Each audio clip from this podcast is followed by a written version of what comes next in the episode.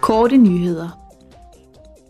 Ukraines modige folk, repræsenteret ved deres præsident, valgte ledere og civilsamfundet, har modtaget Europaparlamentets Sakharov-pris for tankefrihed 2022.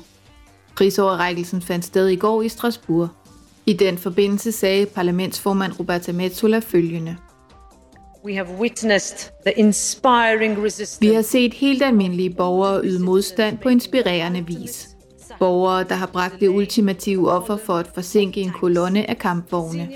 Ældre borgere, der konfronterer russiske tropper med intet andet end deres stolthed som våben. Modige kvinder, der har været tvunget til at føde på underjordiske metrostationer. Til disse mennesker har budskabet fra Europa været klart. Vi står sammen med Ukraine, og vi vil ikke se væk. With Ukraine, we will not look away. På en videoforbindelse fra Kiev sagde Ukraines præsident Volodymyr Zelensky følgende. І я вітаю вас від всіх тих, які воюють, які працюють заради України. Jeg hilser jer på vegne af dem, der kæmper og arbejder for Ukraine og for friheden. For os alle, for livet, for Europa. Det er umuligt at forestille sig et Europa uden Ukraine, uden frihed. Ikke kun fordi det vil være urigtigt, men også fordi et hvert forsøg på at fratage Europa, Ukraine og friheden altid vil være en forbrydelse. Європу, України і свободи це завжди злочин. Sakharov-prisen for tankefrihed blev oprettet i 1988 for at ære enkeltpersoner og organisationer, der forsvarer menneskerettighederne og de grundlæggende frihedsrettigheder.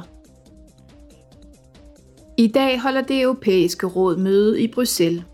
I går i Strasbourg opstillede parlamentet sine prioriteter for mødet. Formand for Europakommissionen Ursula von der Leyen talte i plenarsalen om den grønne omstilling. Hun sagde følgende.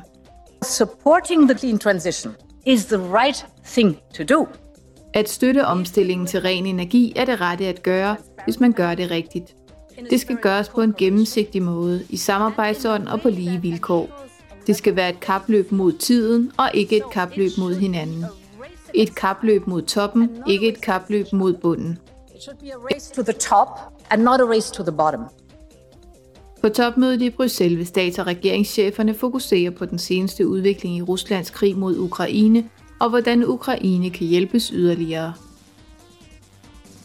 På plenarforsamlingen fremsatte parlamentsmedlemmerne i tirsdags deres forslag om at forsvare handicappedes rettigheder og bekæmpe forskelsbehandling.